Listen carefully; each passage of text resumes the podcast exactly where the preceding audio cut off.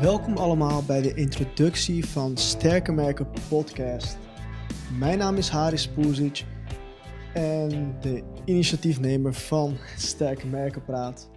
Achter de schermen zit uh, Philip de Boer, die me altijd helpt met alles in elkaar zetten en dat de kwaliteit hoog blijft. Ja, het is nu een tijd geleden dat ik dacht van, ik wil graag een podcast beginnen. Ik wil ehm, content maken. En niet zozeer content voor de sake of content van plaatsen, plaatsen, plaatsen. Ik wil, uh, ik wil bereik. Het lag iets dieper. Ik weet nog dat ik vroeger naar netwerkborrels ging en ondernemers sprak met echt een super gaaf verhaal. En ik dacht altijd van, als ik dan dit soort verhalen had, dacht ik eigenlijk van ja, maar het is zo jammer dat ik of een paar mensen die dan bij in het groepje stonden, dit verhaal hebben gehoord. Ehm, hoe gaaf zou het zijn als ik dit kon delen? Of hoe gaaf zou het zijn als nog meer mensen uh, deze verhaal konden horen? En als ik dan bijvoorbeeld met vrienden of met, um, met um, mensen die op kantoor zaten, als ik besprak van, hey, ik heb, um, of ik had dit gehoord van die en die en die heeft dit en dit gedaan en gewoon inspirerende verhalen, merkte ik echt dat mensen ook aandachtig luisteren en dat mensen echt oprecht boeit. En er was altijd dus al een beetje een, een gedachte die in mij speelde, die, die zei van, hey, ga eens beginnen met uh, video content of tenminste audio content als je geen video wilt schieten, want er komt nog heel veel ja, bewerking bij kijken, et cetera, et cetera. Maar toch heb ik in de afgelopen, laten we zeggen, twee jaar nooit de actie echt ondernomen om aan de slag te gaan met content. En hieruit is eigenlijk sterke merkenpraat ontstaan. Um, omdat ik nu wel een gevoel heb van oké, ik heb de ruimte, ik heb de mensen om me heen, zoals Filip, die me helpen met een podcast in elkaar zetten. Ik heb de spullen, ik heb de ruimte, dus waarom niet? En ik ben super blij dat dit de allereerste podcast is, de introductiepodcast. En dat ik jullie mee kan nemen in het verhaal. Dus hoe ik ben begonnen. En um, voornamelijk ook zelf wat ik de afgelopen, laten we zeggen, vijf jaar wel heb geleerd. En ik denk dat heel veel mensen zich wel herkennen in hetgeen wat ik nu ga zeggen.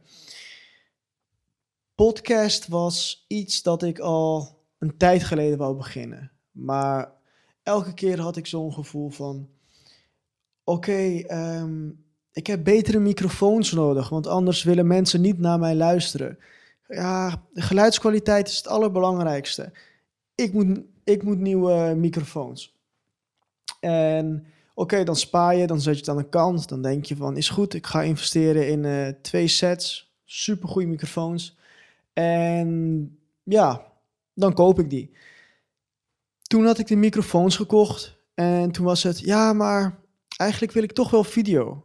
Dus ja, dan kijk je van, oké, heb ik een camera? Kan ik een camera kopen? Kan ik hem huren? Hoe ga ik dat doen? Nou ja, ga je weer sparen en dan zorg je voor camera's. Heb je camera's, dan wil je lenzen. Heb je lenzen, wil je licht. En zo blijf je maar doorgaan met het creëren van excuses of tenminste, ik betrapte me erop dat ik dan elke keer zei van ja, nee, de setting. Ja, nee, dit. Ja, nee, dat. Elke keer verzon ik, uh, of had ik wel een nieuwe smoesje dat ik, dat ik kon gebruiken uh, om mezelf ervan te overtuigen dat het nog niet tijd was om te beginnen. En het, het mooie is, ik heb, uh, ik heb een vrouw en die, die support me echt super erg. Maar die weet ook wel dat ik af en toe echt een smoesjesdoos heb. En zij is wel echt degene die me op mijn plek kan zetten en kan zeggen van... Joh Haris, je zet jezelf echt voor schut als je het nu niet doorzet. En uh, dat is echt super fijn. En natuurlijk heb ik Filip die me helpt met, uh, met de kwaliteit van de podcast. Die me helpt met checklists, die me helpt met het maken van content. Zelf heb ik geen social media, behalve LinkedIn. Dus um, het is voor mij ook wat lastiger om op alle kanalen actief te zijn. Maar gelukkig helpt uh, Filippe daarmee om content te maken, om dit te verspreiden, om te zorgen natuurlijk dat de podcast gaat groeien. En ja, daar ben ik echt super dankbaar voor. Um, ja, terug, eh, terug in de tijd van vijf jaar geleden. Ik denk dat heel veel van mijn netwerk uh, in LinkedIn mij nog wel herinnert als Haris of als Wolf van, het, van de tijd van de fitness en elke dag trainen en sponsors. En um, nou ja, de tijd dat ik echt super, super gefocust was met sport. En op een gegeven moment, ik zat op het uh, Oud Grafisch Lyceum, dat is een mediacollege in Amsterdam, de Sloterdijk. En op een gegeven moment had ik ongeveer tussentijds, dat was in jaar twee van de vier, had ik best wel veel schoolopdrachten. En daarnaast kreeg ik wat meer klanten, freelance klanten, voor logootjes, voor andere grafische werkzaamheden. En toen dacht ik van, oké, sport is leuk, maar sport is meer een hobby. Ik denk niet dat ik hier mijn hele leven in wil zitten en mijn geld wil verdienen. En um, nou ja, zo gezegd of zo gedacht destijds, dacht ik van oké, mijn fitness zit echt heel erg hoog en mijn grafisch vormgeven en mijn freelancer zit best wel laag. Wat ik ga doen is, ik ga tenminste levelen. Dus dat ik net zoveel mooie dingen maak en opdrachten aanneem als dat ik fitness. En dat het een niet belangrijker is dan de ander. Op een gegeven moment was het geleveld. Dat duurde ongeveer volgens mij was dat destijds zes, zeven maanden, dat ik dacht van oké, ik heb een soort van balans gevonden. En toen merkte ik al snel dat grafische vormgeving, eh, freelance werk, eh, het verdienen van echt geld, um, de overhand nam. Ik vond het interessanter, want je verdient meer, uh, je ontwikkelt bepaalde vaardigheden die ik uh, dacht niet te hebben, of die steeds sterker werden naarmate ik meer opdrachtgevers uh, aannam. En um, fitness begon daardoor een beetje, ja, laten we zeggen, achterstallig te, uh, te raken. het werd niet meer mijn prioriteit, waardoor ik het ook steeds minder en minder ging doen. Ik deed het wel meer voor de lol. Toen ik eenmaal mijn um, fitness als hobby begon te zien. En dit had geleveld met de, de moeite die ik in fitness stak. Toen ik evenveel moeite begon te doen voor vormgeving en design, zagen um, sponsors dat. En die zagen eigenlijk van, oké, Haris die kan ook na sport iets anders heel goed, namelijk vormgeving. Ik begon ook beetje bij beetje te leren hoe WordPress werkte en hoe ik websites in elkaar kon zetten. En zodoende kreeg ik al heel snel aanvragen uit de hoek van mijn fitnessnetwerk. En dat kon ik eigenlijk al heel snel ja, laten groeien door de naam die ik al had in de fitness en de mensen die ik kende. En ja, het een um, versterkte weer het ander. Mensen kenden me natuurlijk van fitness en ik kreeg heel makkelijk um, zo opdrachten.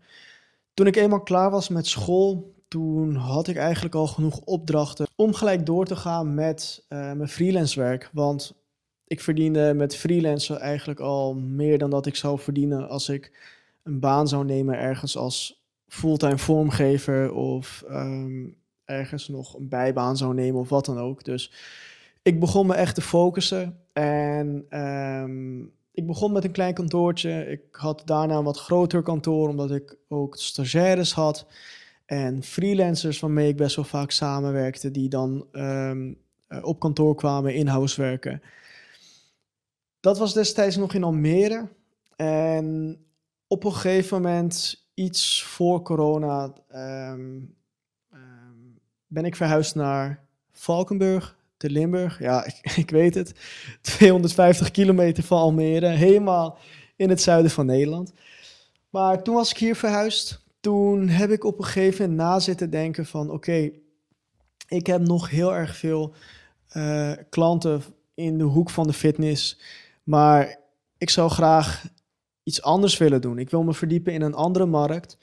En destijds had ik één klant die ik had um, ontmoet in, een, uh, in zo'n verzamelpand waar meerdere bedrijven zaten, waar ik ook een kantoor had. En die had een laadpaalmerk. En op een gegeven moment dacht ik van, oh, dit is gaaf. Toen ben ik langs geweest, goed gesprek gehad. Uh, kreeg ik uh, de kans om samen te werken. Heel erg veel samengewerkt en heel erg veel geleerd over de laadpaalindustrie. En ik vond dat zo gaaf, het stukje sustainability, uh, green tech, dat ik me er helemaal op had gestoord. En dat ik wist van, oké, dit is wel iets dat ik echt super graag wil doorgaan zetten. En zo beetje bij beetje heb ik mijn netwerk toen ook uitgebreid in de hoek van de laadpalen. Ik ging langs beurzen, ik ging pitchen, ik ging uh, nou, zorgen dat ik nieuwe klanten kreeg. Maar op een gegeven moment, ik had klanten, ik had omzet, ik had uh, Philippe die fulltime bij me werkte, ik had stagiaires, free, en een pool van freelancers waar ik heel goed mee, mee kon werken. Maar er miste iets. Ik had heel erg het gevoel dat ik vast zat. En dat hetgeen wat ik aan het doen was, dat het me niet voldoening meer gaf. Ik was bezig met sales. En het is niet per se dat ik, um, want als ondernemer moet je sales doen. Uh, of je moet het uitbesteden, maar dat kan vaak niet in het begin, want het is best wel een persoonlijk iets. Um, ja, dacht ik van, ik, ik voel dit niet meer op de manier waarop ik dit nu aan het doen ben. Ik heb het gevoel dat ik te veel verantwoordelijkheden heb en dat ik liever een stap terug doe. En dat ik me dan weer kan focussen op hetgeen waar ik echt goed in ben en wat ik graag weer wil en waar ik weer energie van krijg. Want ik geloof als je het gevoel hebt dat je de energie mist om iets te laten groeien of echt de, de motivatie te hebben om bijvoorbeeld naar kantoor te gaan als het maandagochtend is, dan zit er iets niet goed. Je kan natuurlijk een slechte weekend achter de rug hebben. Je kan natuurlijk maandag opstaan en je niet lekker voelen. Maar als je echt er tegenop ziet om naar kantoor te gaan, dan moet je zelf afvragen, vooral als het een langere tijd is, moet je zelf wel e-, echt af gaan vragen van, is hetgeen wat ik nu wel doe, hetgeen wat ik voor altijd wil blijven doen? En voor altijd is een lange tijd en het klinkt echt heel erg cliché, maar als je dat gevoel niet hebt van ik wil dit tenminste niet voor een lange tijd blijven doen of ik doe dit nu voor het geld en voor de rest boeit het me niet, dan ga je op een gegeven moment, vooral als je heel veel moet werken, als je rekeningen moet betalen, ga je gewoon uitbranden. En je komt jezelf tegen. Uh, je wordt ook zeer zeker, of dat heb ik tenminste gemerkt, geen leuke mens van. En ik merkte dat ik geen aandacht had voor mijn familie, geen, ja, best wel weinig aandacht ja, voor, mijn, voor mijn vrouw thuis. Ik had een kleine waar ik heel erg afwezig bij was, omdat ik gewoon te veel aan mijn hoofd had. En toen heb ik een goed gesprek gehad. En, en dat merkte natuurlijk, mijn, mijn, mijn vrouw merkte dat natuurlijk ook op. En die zei op een gegeven moment van, ja luister je bent soms midden in de nacht aan het werken, dingen oplossen, zorgen dat dingen af zijn en deadlines worden gehaald. Maar ben je wel gelukkig? Ik zie dat je heel vaak afwezig bent. En ik had wel een spiegel nodig. Uh, dat was al vorige zomer, um, meer dan een half jaar geleden. Was het dat ik um, wel die spiegel nodig had, maar nog niet wist dat ik zo snel de knoop zou doorhakken van oké, ik wil weer aanwezig zijn. Ik wil weer um, plezier hebben in hetgeen wat ik doe. Ik wil weer iets hebben waar ik vol voor kan gaan waar ik wel het gevoel heb dat, um, dat me meer ligt dan verplicht uurtje, factuurtje, achter je geld aan.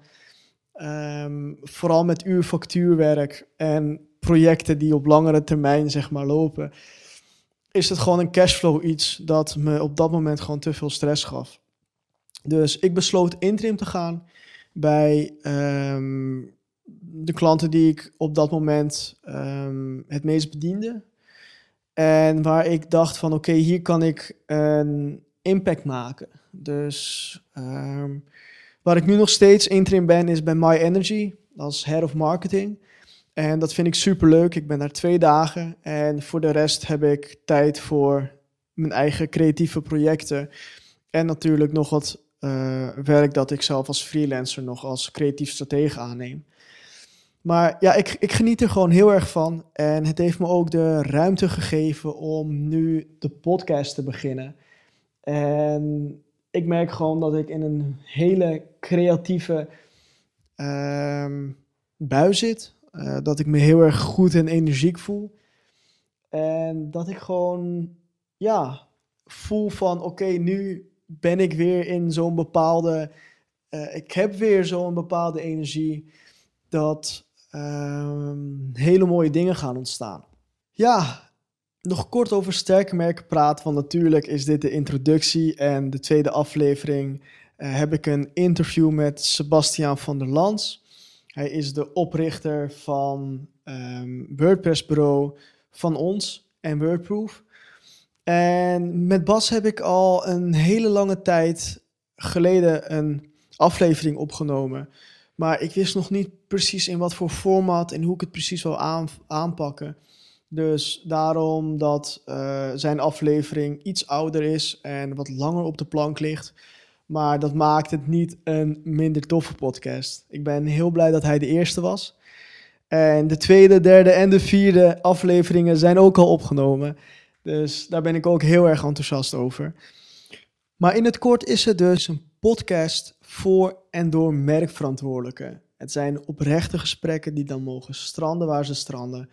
En het gaat niet alleen om successen, natuurlijk wel een beetje om successen, maar het gaat eigenlijk voornamelijk om de leermomenten onderweg. Dus het vallen en opstaan, het wat heb ik geleerd, hoe, hoe zou ik het anders aanpakken als ik het nog een keer mocht doen. En echt de vragen waar jij en natuurlijk ik zelf ook nog steeds zeker wat aan zullen hebben. En het is heel erg fijn om gesprekken te voeren met ondernemers die bepaalde dingen hebben bereikt, gezien, ervaren, waar je naar op kan kijken, gemotiveerd kan raken.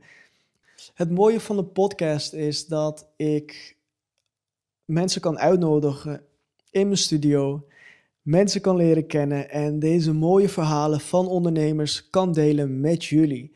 En het is gaaf om mensen te leren kennen. Het is gaaf om je netwerk uit te breiden. Maar het is ook heel erg gaaf om dingen te delen, om gemotiveerd te raken. En vooral ook om te beseffen dat het allemaal niet zo makkelijk is en dat het oké is dat het niet makkelijk is. Want het gaat om het proces.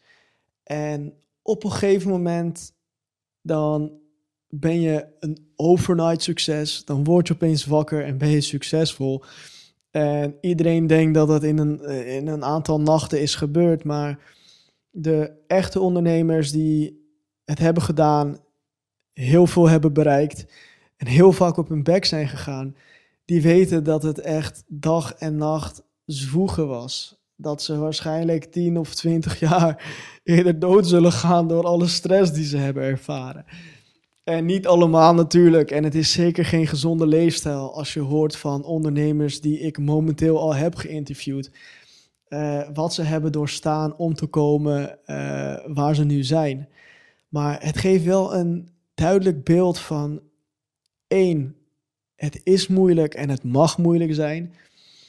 En natuurlijk twee van jongens, het is niet 1, 2, 3 uh, gedaan. Het is vallen en opstaan. Het is niet ik word wakker en opeens ben ik succesvol en gaat alles goed en um, heb ik helemaal niks te klagen. Het is een proces dat gewaardeerd moet worden. En Ik denk als je het proces niet kan waarderen en niet elke keer de kleine stappen kan vieren naar het groter plaatje, dat je op een gegeven moment je drive verliest en heel erg bitter kan worden. En ik heb dit ook gehoord van ondernemers uh, die ik heb gesproken. En het is ook elke keer dan weer maar een reminder voor mezelf en voor hopelijk ook de luisteraar die ja, misschien ook soms in een clinch zit van doe ik het wel goed? Of is dit normaal dat dit zo moeilijk gaat? Of hoe lang moet ik nog volhouden? Dat ze ook verhalen horen van ondernemers die er zijn gekomen, die vertellen, joh, hou nog maar vol. Of misschien die zeggen van, hey, als je het niet vol kan houden, is het ook prima. Brand jezelf niet uh, tot de grond en word geen bitter persoon, maar zoek een manier waarop je wel tevreden bent of waardoor je wel gewoon het gevoel hebt van oké, ik vind het leuk wat ik doe. En um, mijn naasten en mijn familie, mijn vrienden en iedereen die ziet dat ik uh, goed in mijn vel zit. Want er is natuurlijk veel meer dan alleen maar geld en, en succes en een mooi bedrijf. En het gaat ook gewoon om gelukkig zijn thuis, gelukkig zijn met jezelf, de zelfvertrouwen hebben, motivatie. En in de ochtend wakker worden met het gevoel van vandaag is weer een nieuwe dag, vandaag ga ik weer iets geweldigs doen. En als je dat niet hebt, dan ja, is dat gewoon zo jammer, want het leven gaat zo snel en binnen de kortste keren liggen we op ons sterfbed en dan kijken we terug en dan vraagt iemand aan ons, oh, wat, uh, wat herinner je het meest? En dan zul je echt niet zeggen van, ja, al die nachten tot uh, vijf uur in de ochtend dat ik aan het werk was. Dat vond ik zo geweldig. Dat, heeft mijn leven echt gemaakt. Ik denk dat je dan de mooie momenten zal benoemen met, uh, met, met kinderen, met, uh, met je familie, met, met je partner. En niet zozeer de, de momenten die je op werk hebt beleefd. Maar natuurlijk, sommige mensen leven voor werk en dat is ook meer dan prima. Iedereen moet het voor zichzelf invullen. Alleen merk je dat ook heel veel mensen ja, zichzelf naar de grond, of de grond inwerken letterlijk. En geen passie of geluk meer vinden in hetgeen wat ze doen. En dat is gewoon heel erg zonde. Dus daarom is deze podcast, ik heb het echt helemaal aan elkaar gebreid zelf. Ik hou daar eigenlijk niet van zelf tegen een microfoon praten en een camera. En, uh, maar goed, het is een introductie. En ik hoop dat jullie nu wat meer duidelijk hebben over joh, een stukje waarom ik dit ben gaan doen. Een, een klein stukje over mijn achtergrond. Um, en voornamelijk was het voor de mensen die me al kennen en die, me, die zich waarschijnlijk afvroegen van... Hey Haris, ik heb je lange tijd niet gezien. Of af en toe lees ik een post dat je dit of dat doet. Maar uh, hoe gaat het met je? Het gaat dus goed. en, uh, en ik ben echt super blij dat ik, uh, dat ik deze podcast uh, mag gaan maken. En ik hoop natuurlijk heel erg dat, dat, je, um, ja, dat jullie het een gave podcast zullen vinden. En zullen aanraden aan jullie vrienden.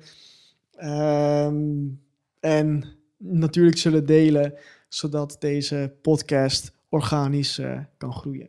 Bedankt voor het luisteren naar deze introductie. Uh, vergeet ons vooral niet te volgen op onze social media kanalen. Um, je kan ons vinden onder Sterker Merken Praat op TikTok, Instagram, Facebook en LinkedIn. Als we nog niet gelinkt zijn op LinkedIn, kun je me natuurlijk ook nog volgen of een uitnodiging sturen uh, op mijn LinkedIn. Dat is Haris Puzic, H-A-R-I-S, P-U-Z-I-C. En uh, ja dan uh, ben je er zeker van dat je alle nieuwe gave content die we gaan maken niet zult missen. Dus bedankt voor het luisteren nogmaals en tot de volgende keer.